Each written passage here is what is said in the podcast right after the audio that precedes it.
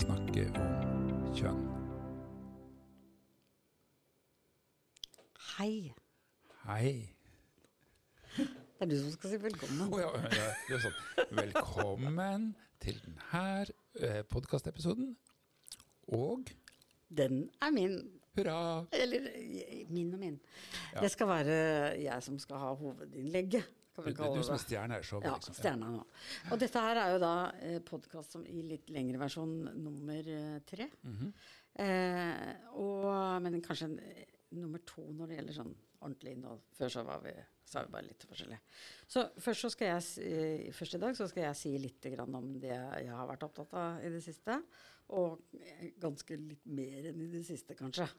Eh, mange år, egentlig. Og så skal du snakke om en eh, fantastisk bok som du har lest. Så vi har sånn bokanbefaling. Det pleier vi å ha. På, og så til slutt så har vi en liten konkurranse til lytterne våre. Og den er vi så spent på om mange syns at den er gøy eller ikke. Men allikevel. Ja. Har vi noe premier? Ja, det har vi. Den er hemmelig, selvfølgelig. Ja, selvfølgelig. Men det er et eller annet fra USA. Vi har jo sånn eget sånn kontor med stæsj som man gir bort til folk som har gjort en ekstra innsats. Og da håper vi at vi kan tigge en sånn. Hvis ikke så finner vi på noe. Ja, søppel og saker. Ja, fint. Ikke, ja. Noe som er brukende, Ja. og i et kjønnsperspektiv. Selvfølgelig. Ok, Ja. eh, da begynner jeg. Hva du skal snakke om, da? Ja, jeg skal snakke om min ledestjerne, eller det som eh, Rune, som jeg bor sammen med, pleier å kalle husguden til fru Sørensen. Og det er Bourdieu. Og nå er det jo mange som tenker oi, skal nok en feminist bruke en mann som teoretiker? Så kan jeg si det at eh, ja, det man, jeg burde sikkert finne på noe annet. Men det som var, var at allting falt litt på plass for meg når jeg leste Bourdieu. Og satte meg litt inn i, i, eh, i teoriene hans. Men det som jeg syns var interess mest interessant, er den ene boka jeg skal snakke om. Jeg skal snakke om to. Jeg skal snakke om den som heter 'Mannsdominans', naturlig nok. Og så skal jeg snakke om den som heter 'Ungkarsballet', som er litt mindre kjent. Men de er begge på norsk. Og 'Mannsdominans', som egentlig er skrevet mye seinere, den kom ut på norsk i 2000. Og den som heter, 'Ungkarsballet', som egentlig handler om forskning på 60-tallet, den kom på norsk i 2004. Og den eh, ungkarsballet er fremdeles mulig å få tak i, for den er en sånn type trykk hvor det står at vi garanterer at denne boken er i salg i 20 år. Og det er da har man et par år på seg. Um, så de to bøkene skal jeg snakke om. Grunnen til at jeg da har um, kan forsvare bruken av Bourdieu, er jo for at i den boka 'Mannsdominans' så bruker han veldig mange kvinner som, og særlig én, som heter Frigge Haug, som er en tysk eh, sosiolog, og hennes teori. Så jeg tenker at uh, egentlig så fant jeg Bourdieu gjennom Frigge Haug. Ehm, så sånn sett så syns jeg han er flink til å bruke damer, men han er jo selvopptatt, da, som alle eh, som har lagd en teori, som er veldig bra. men nå er jo han død, så det, det Og det, dessverre. Da var jeg veldig deprimert lenge, da han døde. Nå skal vi ikke snakke om det. Men det som er interessant med disse to bøkene, for meg, da, er at den som heter 'Mannsdominans', den har jeg brukt mye i egen forskning og skrevet eh, om. Jeg har skrevet to artikler om, eh, om den TV-serien Skam. Eh, og der bruker jeg Bordeaux på ulike måter. Og særlig den boka 'Mannsdominans'. Så skrev jeg en artikkel sammen med eh, Rune Åkek Nilsen, som eh, også er en eh, Han bor jeg sammen med. Eh, som eh, handler også om litt om ungkarsballet. Så jeg vurderer nå om jeg kanskje skal enten spørre Rune om vi skal skrive mer, det vet ikke han enda, eh, om vi skal skrive noe om ungkarsballet eller ikke, eller om jeg bare skal gjøre det sjøl. Uansett Ja. så er det det dette skal handle om i dag. Og disse to bøkene syns jeg ble ekstra eh, interessante når eh, for en uke siden cirka det ble, kom, ble bruduljer i militæret. Da ble det sagt at uh, seksuell trakassering var vel dokumentert, men rapportene ble på en måte sensurert. Og det gjorde at en del kvinner i militæret um, ganske høyt opp også for den saks skyld, sa at uh, dette blir det lagt lokk på.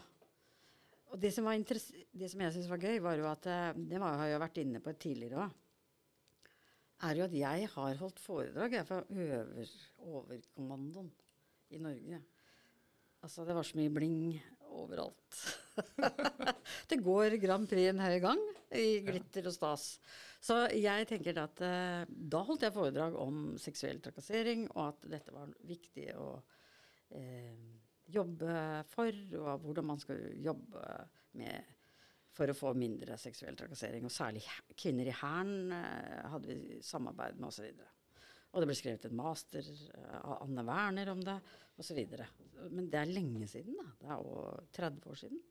Så jeg tenkte å ja, det er, har ikke skjedd så mye der. Og det syns jeg var for så vidt litt interessant. Fordi det er vel kanskje det jeg tenkte når jeg skrev den der uh, artikkelen som kom i 2019. At jeg var litt sånn utålmodig. Hvorfor skjer det ikke noe? Og det som er interessant med Bourdieu, er å Eller uh, det jeg liker med den teorien, er at han er veldig god på å forklare hvorfor ting er som de er. Og ikke forandres, på et vis. Så eh, han bruker særlig da begrepet habitus. Og det habitusbegrepet det er det jo mange som har prøvd å definere. Og han definerer det litt ulikt ulike steder. og det skal ikke jeg, jeg skal ikke bli sånn spissfindig i forhold til det. Men jeg skal bare si det at den, det de på en måte beskriver, er jo liksom vanene våre, da. Og i Norge så sier vi 'gammel vane er vond å vende', og det er et norsk uh, uttrykk, da. Og det er jo et sentralt poeng hos Bourdieu. Og hans forståelse av habitus er jo at vi sosialiseringen vår setter, setter, seg ikke bare i hodet vårt, eller kanskje i språket vårt, men også i kroppen vår. Og det gjør jo at det å endre vaner er Det vet vi jo alle når vi skal begynne å leve sunnere, legge oss tidligere, eller altså gjøre alle disse riktige tingene.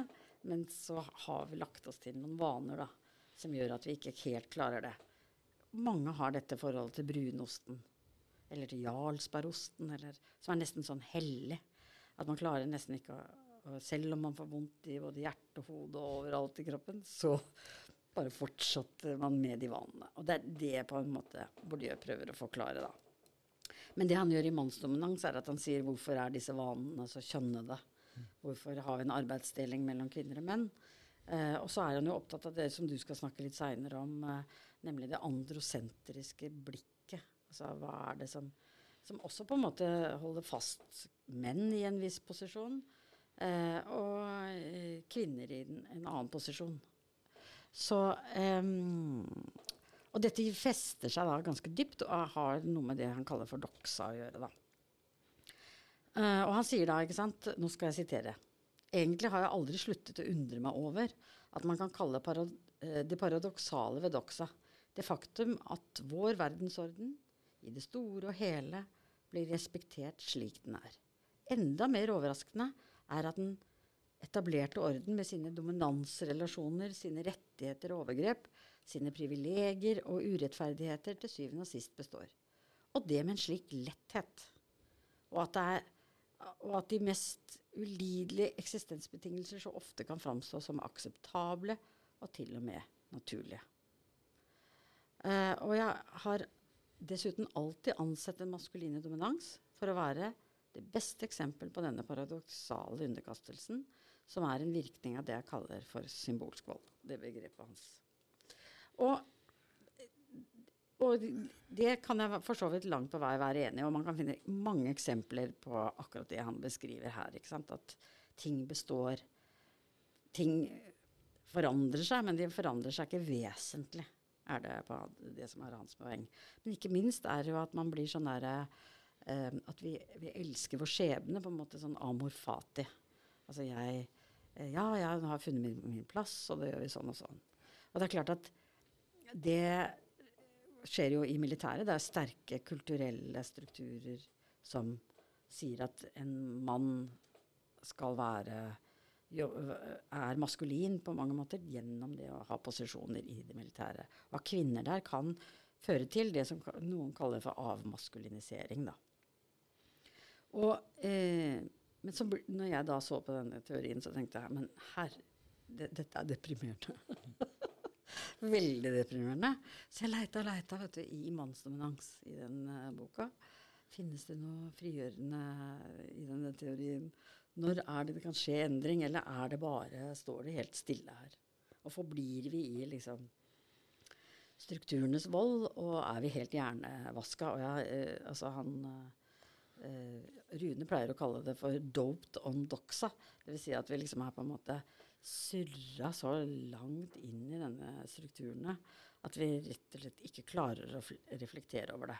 Og mange har kritisert Bourdieu for det, for de tenker ja, men det har jo skjedd mye. Det foregår jo mange ting. Men allikevel så er det noen steder det ikke skjer så mye, selv om det skjer mange ting andre steder. Og det som er interessant da med, med, med det Ungkarsball-boka, er at den er delt i tre deler. Første delen er en analyse som man gjør tidlig i karrieren. Eh, og, og, så senere så går han tilbake til materialet. Og det som er interessant, den siste delen som jeg har satt meg mest inn i, det er jo da at han bruker sine egne begreper på det materialet. Og det som det materialet viser, er jo at på 60-tallet og flere steder etter 60-tallet, også i Norge, så ble landsbygda forlatt av kvinnene, og igjen satt det ungkarer. Og disse, du, Der fantes en sånn TV-serie som heter Thaifjord, eller noe sånt. Som handler om en fjord i Norge hvor gutta dro til Thailand for å finne seg koner. Eh, fordi det var ikke noen som hadde lyst til å bo i den fjorden sammen med dem. Så det Bourdieu prøver å finne ut av, er hvorfor er det dette skjer. Og det han sier, er jo at eh, verden rundt, gårdene og jordbrukssamfunnet, altså industrialiseringen og moderniseringen som skjer eh, i samfunnene, de skaper noen handlingsrom eller frihetsrom for kvinner. Og som de tar. Og da vil de, når de er og blir lærere, f.eks. Mange dro sant, eh, ut for å bli lærere. Så finner de seg noen andre lærere, eller en helt annen type mann, da, enn disse tradisjonelle bøndene. Og det som er interessant, er at han går veldig sånn detaljert ned i hva slags type menn er det som ikke får seg dame. Så uh, hvis dere kjenner noen som sliter litt med å få seg dame, så må dere høre etter nå. For det han sier da, men særlig hvis du bor på bygda, da, ikke sant, så er det, er det sånn at de som kommer best ut, er de som har søstre. For, og på den måten, så i Ungkarsballet, så virker kvinnene som noen sånne eh, agenter som er sånn fornyingsagenter. Kvinnene sier noe om hva andre kvinner ønsker. Ikke sant? Så søstrene oppdrar gutta til å si du må du ta, ta, på deg aftershave, du må ha rein skjorte, du må gjøre ditt og datt. Så de kom, gutta kommer best ut. De lærer også å danse, som er en veldig viktig ting å kunne for å sjekke opp damer. For dette ungkarsballet er jo et ball som i tradisjonelle samfunn er et sånn uh, juleball hvor folk treffer hverandre. Og hvis dere ser på disse her gamle TV-seriene nå, ikke sant, sånn uh, Bridgerton og sånn. Tante Pose. Ja, Tante Pose. Så skal man til sånne juleball, og så finner man sine utvalgte der. Og tidligere så kunne man eh, liksom droppe å lære disse nye tingene, eller det som kvinner vil ha, av sine søstre. Fordi da var det tradisjonen som bar disse gutta fram til, eh, til eh, Hva det heter alteret. Ikke kateteret, men til alteret. Og ikke sant? Sånn at Derfor så kunne de lene seg litt på eh, hvordan de oppførte seg. De som kom dårligst ut, var de som bodde, hadde ikke søstre og bodde bare sammen med mora si. For mora skjemte dem så bort at ingen ville ha en så bortskjemt mann. Eh, så de, det er de som ryker først, er de som er i den situasjonen. Eh, fordi mange kvinner En av de tingene som er ganske skrevet masse om òg, er jo hvordan svigermor på en gård kan gjøre det ganske tøft da, for hun nykona som kommer på gården. I tillegg så er det jo også det at samfunnet forandrer seg, og det å være den statusen som det å ha gård er ikke lenger like stor, da, eller attraktiv. Eh, fordi det er andre måter å tjene penger på. Og Bondelaget prøver jo å si stadig vekk er at vi må få bedre råd, eller så er det ikke noe stas å være bonde lenger. Og det stemmer, da. I noen steder mer enn andre steder, selvfølgelig. Men um, det som er interessant da, er jo at uh, han uh, overser det han, han overser det i mannsdominans, det som han faktisk finner i Ungkarsballa. Nemlig at kvinner er refleksive. Og de er ikke så fast i doksa at de ikke klarer å se mulighetene det å være i et moderne samfunn. Eller, ja, når de har fått utdanning, så er det mange jenter som tenker at verden åpner seg.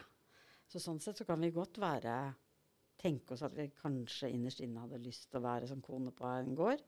Men mange syns ikke det, de, de premissene ved, ved, dette lenger er lite, like attraktivt. Da. Men det har vi sett i flere ganger i historien. ikke sant? Det er jo kvinner, både I de store verdenskrigene så gikk kvinner inn i industrien, og med en gang krigen, altså krigerne kom tilbake, eller soldatene kom tilbake, så måtte kvinnene hjem igjen. Og da brukte man ulik type retorikk eh, for å få dem tilbake, da. Men allikevel så ser det ut som her finnes det ikke bra nok eh, overtalelsesmuligheter. Eh, så derfor så tenker jeg det at uh, denne åpningen som man viser i, i, uh, i Ungkarsballet, den kan ha vært, vært, interessant å skrive litt mer om. Mm. Spennende. Ja. Mm. Lite kjapt. Har du noen spørsmål? Uh, de kommer. Ja. ja. Um, det som uh, han snakker om, er jo at de gutta som ikke klarer da å endre seg, sånn som altså, bøndene, det kan også være de gutta i eh, militæret. Eller innafor universitetssystem, eller altså, mange ulike typer institusjoner. Så kan man ha mas maskuline dominanstradisjoner, da. Og de, det for at um, man skal tenke seg at det skal endre seg, så må alle andre rundt deg, eller rundt eh, disse kvinnene som blir eh, trakassert, eh, eller vi, kan man vel si, det er ganske mange som har blitt det, eh, vi, eh, vi, må bli så mange at det å eh, trakassere kvinner blir på en måte umoderne. Eller litt sånn anakronistisk måte å være mann på. Og det kaller han for Don Quijote-syndromet. Er ja, kult? Ja, veldig bra navn. Ja, ikke sant? Du husker Don Quijote? Ja, ja. ja. Fordi det han gjør, er at han lever jo i fortida. Og det er det Johan sier, er jo at menn som blir um, Forstår at de, de uh, lever i fortida, de blir utsatt for en hel del sanksjoner som dermed uh, gjør dem uh, at du skjønner sjøl, da. Eller det må foregå en form for refleksivitet. refleksivitet. Ikke, altså, det er et vanskelig ord å si mange ganger etter hverandre. Men uh, jeg tenker jo at det er ikke alltid det er mulig. Det er ikke alltid de gutta klarer det. Og da tenker jeg jo, hvis de skulle liksom være ordentlig sånn strenge med militærfolk som har noe med det å gjøre, så ville jeg jo anbefale dem at de gutta får en straff. For det er jo en av de måtene man kan vise eh, menn som trakasserer kvinner, at dette her er ulovlig. Og for så vidt da ute av synk i forhold til resten av samfunnet. Når vi skrev om seksuell trakassering på begynnelsen av 90-tallet, så brukte jeg et sånt begrep når jeg skrev om det som heter eh, kulturell resonans. Mm. Ikke sant? Ja. Og det, det, er litt sånn Det har jeg stjålet fra ei som heter Tracy, da, så det er ikke mitt ord. Men jeg brukte det for å forklare liksom, hvorfor er det seksuell trakassering ikke var et tema som ble like mye debattert og ble gjort noe med. Og det var jo fordi resten av samfunnet på mange måter ikke var helt enig i det. Etter metoo så er det ganske mange som er enig i det. Men det finnes backlasher i forhold til metoo. Mange er veldig nervøse for det, eh, inkludert meg sjøl, i forhold til at eh, metoo på mange måter eh, bare blir et blaff, da, at det ikke blir en reell kulturforandring.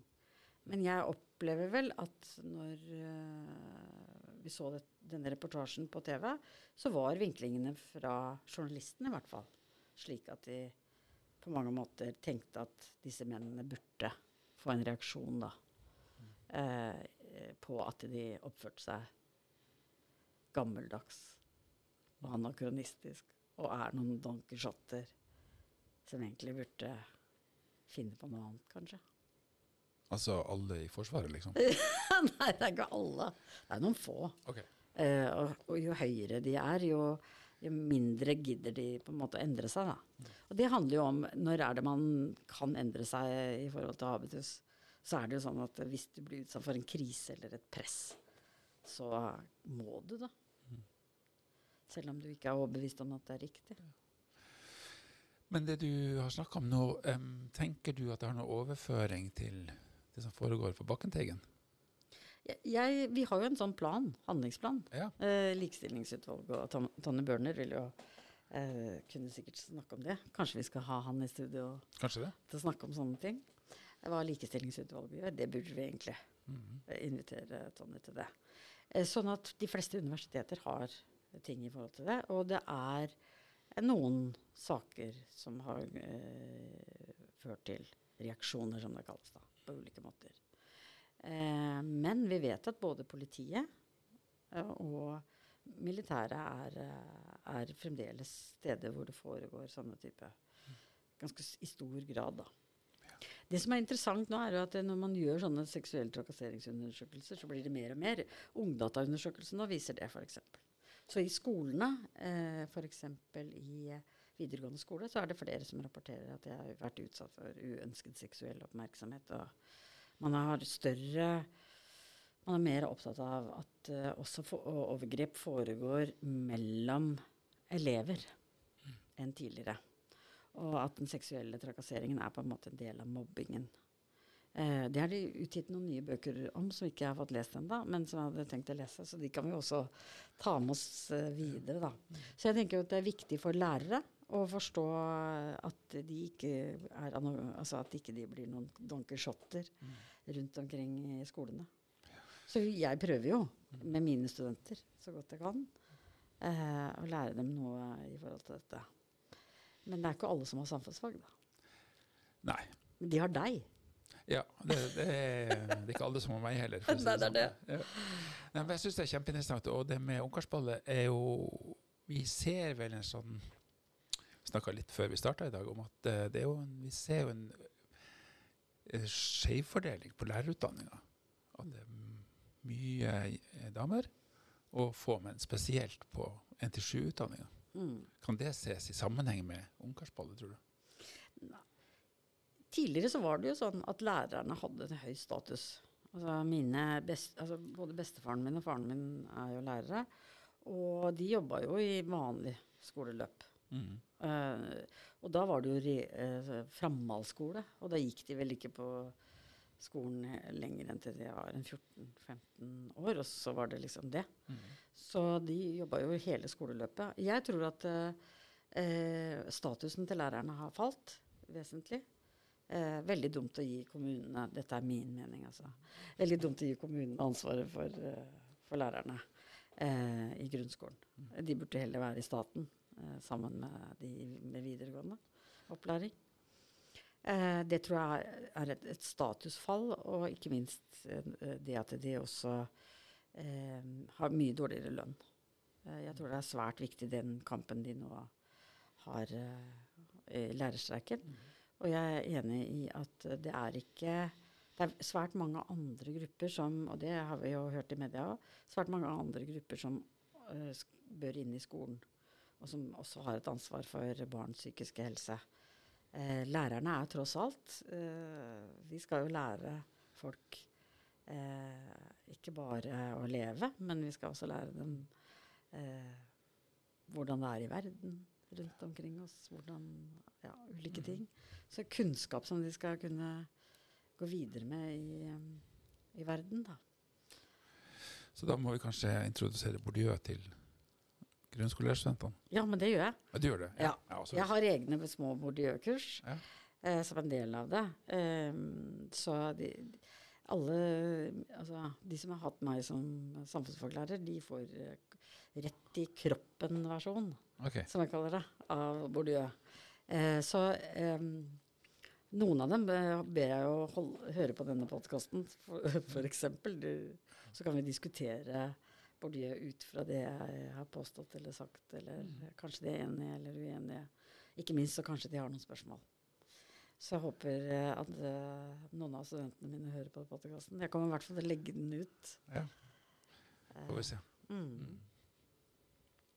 Yes. Er det noe mer du vil tilføre til temaet ditt? Eh, nei Ikke annet enn at eh, eh, jeg oppfordrer, så lenge da denne boken er fremdeles eh, til salgs, så oppfordrer jeg alle til å ta seg en titt inn i Pierre Bourdieus uh, Ungkarsballe. Det skal vi gjøre, alle Ja. sammen. Takk. Ja, da er det min tur. Um, og da er det min lille bokanbefaling. Og det er um, en bok jeg kom over ved en tilfeldighet. Uh, og det er av en svensk forfatter som heter Katrin Marsal. Hun eh, skriver i Dagens Nyheter, og hun er ja, journalist og forfatter og skribent og sånn. Oversatt ganske mye. I den boka som jeg fant, som på svensk heter 'At oppfinna verden', eller i norsk oversettelse 'Oppfinnelsens mor' fra 2020, så diskuterer hun ulike oppfinnelser i verden, eh, og ser dem som et likestillings- eller kjønnsperspektiv. Um, og jeg hadde ikke noen forutsetninger for å tenke over at de prosjektene som hun diskuterer, kanskje enten starta hos kvinner, eller finnes en slags kvinnelig utgangspunkt. da. Og et, noe av det hun snakker om, jeg skal nevne et par eksempler fra boka. Mm. Hun nevner f.eks. det med at uh, vi har elbil, som er veldig pop. Stadig flere kollegaer som kommer med en elbil. Og jeg tenkte jo at det var en ny greie, men hun skriver at de første elbilene kommer liksom på tidlig 1900-tall. Og da er det liksom batteridrevne biler og markedsført mot kvinner. Ja. Ja, og de er liksom, skal være praktiske biler som der uh, damer kan bruke når de skal ut og handle, eller dra på besøk, eller besøke ulike venninner og sånt.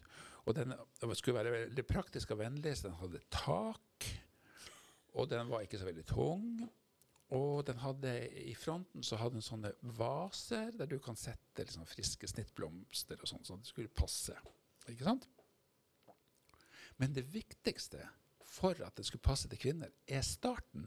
Den starter ved å enten å vri på noe eller trykke på noe. Altså ikke med sveiv. Mens elbil blir kvinnens bil, så er det altså bensinbilen som blir mannens bil. Den er tyngre, kraftigere og må startes med sveiv. Og Katrine Massal skriver kunne det vært en idé å montere elbilens startmotor på en bensinbil, så man slipper å bli svett eller unngå å skade seg for å få starta bilen. Nei takk. ja, altså, da snakker man sånn avmaskulinisering. ja. Det er ikke vår greie. Så- Nei, det var vi jo inne på. Ja, ikke sant? Sånn at da vil man ikke ha man, Det tar lang tid før man ser at man kan bruke den startmotoren på en bensinbil. Ja. Men må skjønne at det å kunne trykke på en knapp ikke er Femi. femi. Man er ikke homo av den grunn. Et annet eksempel hun eh, nevner, er det interessante er at eh, hjul på kofferter kom liksom ikke før på 70-tallet. Nei, det gjorde det ikke. Nei. Og det er jo ikke sånn at det ikke fantes hjul. Ikke sant? Det har jo vært hjul ganske lenge i verden. eh, men eh, derimot så er det en oppfatning om at koffert er noe man bærer. Eller enda tydeligere, koffert er noe en mann bærer. Mm. En mann bærer sin kvinnes koffert. Ikke sant? Det er jo helt tydelig. Det er ikke noe man ruller med seg. Og Dessuten så var det mange som mente at det var ikke en god idé å, å ha hjul på koffert, fordi at da vil man ta jobben fra koffertbærerne på stasjonen.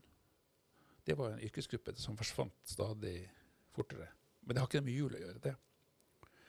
Men så, hvis man ser i sånne historiske medier, og, Marsal skriver om det, at det finnes bilder fra 50-tallet av kvinner som har koffert med hjul, der de må ha satt på egne hjul.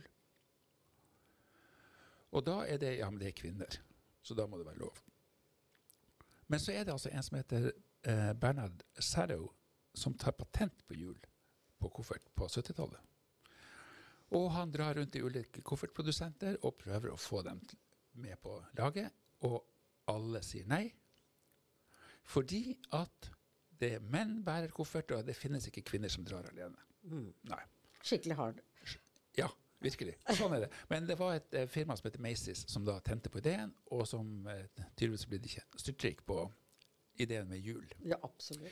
Og kort så kan vi også si at det ligger en parallellhistorie i boka når det gjelder eh, om hvorvidt det skal være hjul på handlevogner i butikken eller ikke, eller om du skal løfte dem. Nei. Ja. Men det kan man lese om i boka. Masse eksempler fra romindustri og ting. Men jeg syns det var kjempespennende. Ja. Så det Det minner meg om eh, den boka som jeg driver og leser nå, men som, og som jeg tenkte at vi kanskje skulle eh, ta opp Ja. seinere. Den som heter 'Usynlige kvinner', som er oversatt som var en sånn bestselger. Og hun har vært i Norge og snakka osv. Hun heter Caroline Crinado Perez. Og 'Usynlige kvinner' den handler om litt sånn disse rare tingene med at biler har sikkerhetsbelter som gjør at kvinner skader seg. De, de Ja. redder ikke kvinner, de skader kvinner. Det er uh, medisiner som uh, Man bruker menn eh, Det er enklere å bruke menn som mal fordi kvinner har hormoner. Men likevel så bruker man jo de medisinene på kvinner eh, som da ikke passer. Mm. Så derfor så er jo eh, Den boka er veldig interessant, og det er jo noe av det samme de er inne på, begge disse to. da, er jo at man på en eller annen måte konstruerer en maskulin verden, men at den ikke nødvendigvis alltid er så rasjonell. Jeg så på legekontoret at der hang det to store plakater. Den ene sto det 'The Human Body', eller 'The Human Muscular System'. Ja, Og på den andre står det 'The Female Muscular System'. ja ikke sant? Ja. Det er hennes poeng, da. Ja. At man er menneske, mens kvinner er det andre. Det er vår, ikke Ja. det andre kjønnet. Så den, eh, den boka skal vi ta opp seinere, eller noen sånne små Mm. godbiter fra. Um, men nå nærmer vi jo oss Konkurransen. Ja, det har jeg gleda meg til. Og det er en lytterkonkurranse. Og det vi ønsker, eh, er følgende, nemlig at vi vil gjerne at det, skal finne, at det skal finnes et nytt ord for dette ordet, som på norsk. Mhm. Et norsk ord for det samme. Dette er et svensk ord. Jeg elsker norsken, svensken og dansken. Det gjør du òg. Ja. Eh, og de hadde en diskusjon av et svenskt ord. Og de kom ikke fram til noe norskt ord, og heller ikke noe danskt ord for det. Men det er det svenske ordet som heter storkukslugn. Storkukslugn. Ja. Ja, og hva det betyr? Er hva det betyr. Altså eh, det Hva er det du tenker at det betyr? Eh, betyr det at man, eh, hvis man har en stor kuk, så er man mer lugn, altså roligere? Er det det det betyr? Ja, altså i den, i det, Altså sånn I den podkasten så påstår de at menn som er trygge på sin egen maskulinitet Apropos avmaskulinisering, som vi har vært inne på. Hva er det som opprettholder habitus? Jo, det er jo at man føler seg innafor. Så det å ha storkukslugn betyr jo at man er liksom helt sikker på at man er mann nok, da. Mhm. Eh, og det kan jo på en måte føre til eh, både negative og positive ting. Det kan jo hende at disse i militæret har litt for mye av det, dette. Men det virker som om eh, begrepet egentlig er et positivt ladet ord. Ja. Og at det brukes i svensk kontekst som menn som ikke trenger å prøve å bevise at de er menn. ja, men så er det jo også, eh, når man leser svensk debatt om begrepet, så er det jo også noe som kvinner kan ha. Ja, og Ja. det er litt pussig. Ja. Så da er det nok ikke størrelsen på lemmet det handler om, egentlig. ikke sant? Nei, da er det nei, mer, mer med hva det representerer, kanskje. Ja. Ikke sant? Altså trygghet i rollen og trygghet i personen din og sånn. Ja. Ja. Så da er det jo litt pussig hvis kvinner eh, går rundt og har storkukslugn.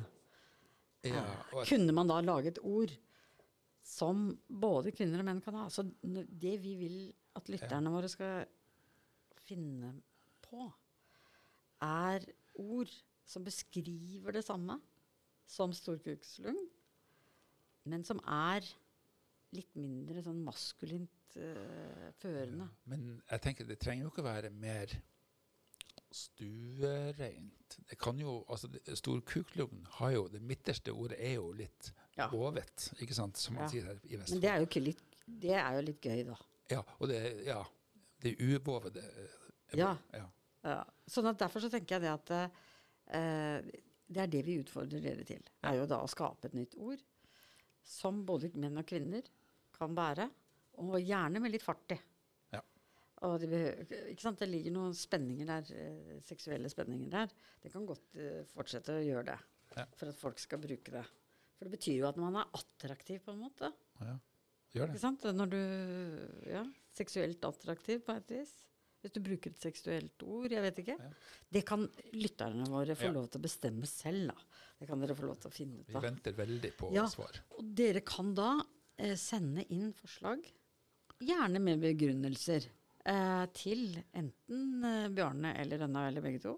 Vi, dere finner eh, e-postadressene våre på nettsida til USN hvis dere søker på oss. Vi må kanskje lage en egen sånn podkast eh, hotmail-adresse. også. Ja, det kan vi også gjøre. Men i hvert fall eh, Men i utgangspunktet så vil vi gjerne at dere bare lager et Ja. ord, sender det på e-post til oss, og så tar vi det opp i neste program. Nå er det sånn at du og- og jeg har snakka litt sammen eh, om at eh, kanskje vi skal lage vi, vi har sagt vi lager minst én i måneden, men det kan komme flere. Ja. Og nå er det sånn at vi har fått flere og flere som har fortalt oss at Bjarne Rønne, det er flere på denne institusjonen som jobber med kjønn enn dere to. og det vet vi jo. Ja. Ikke sant? Vi vet det.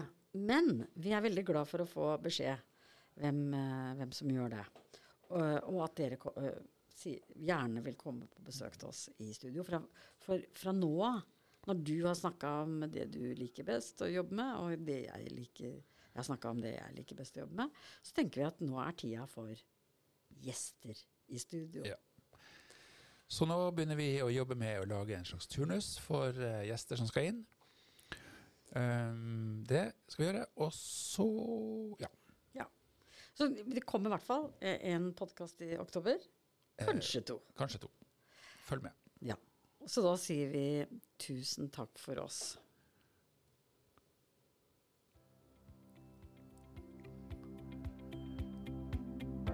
Rønnaug og Bjarne snakka om kjønn.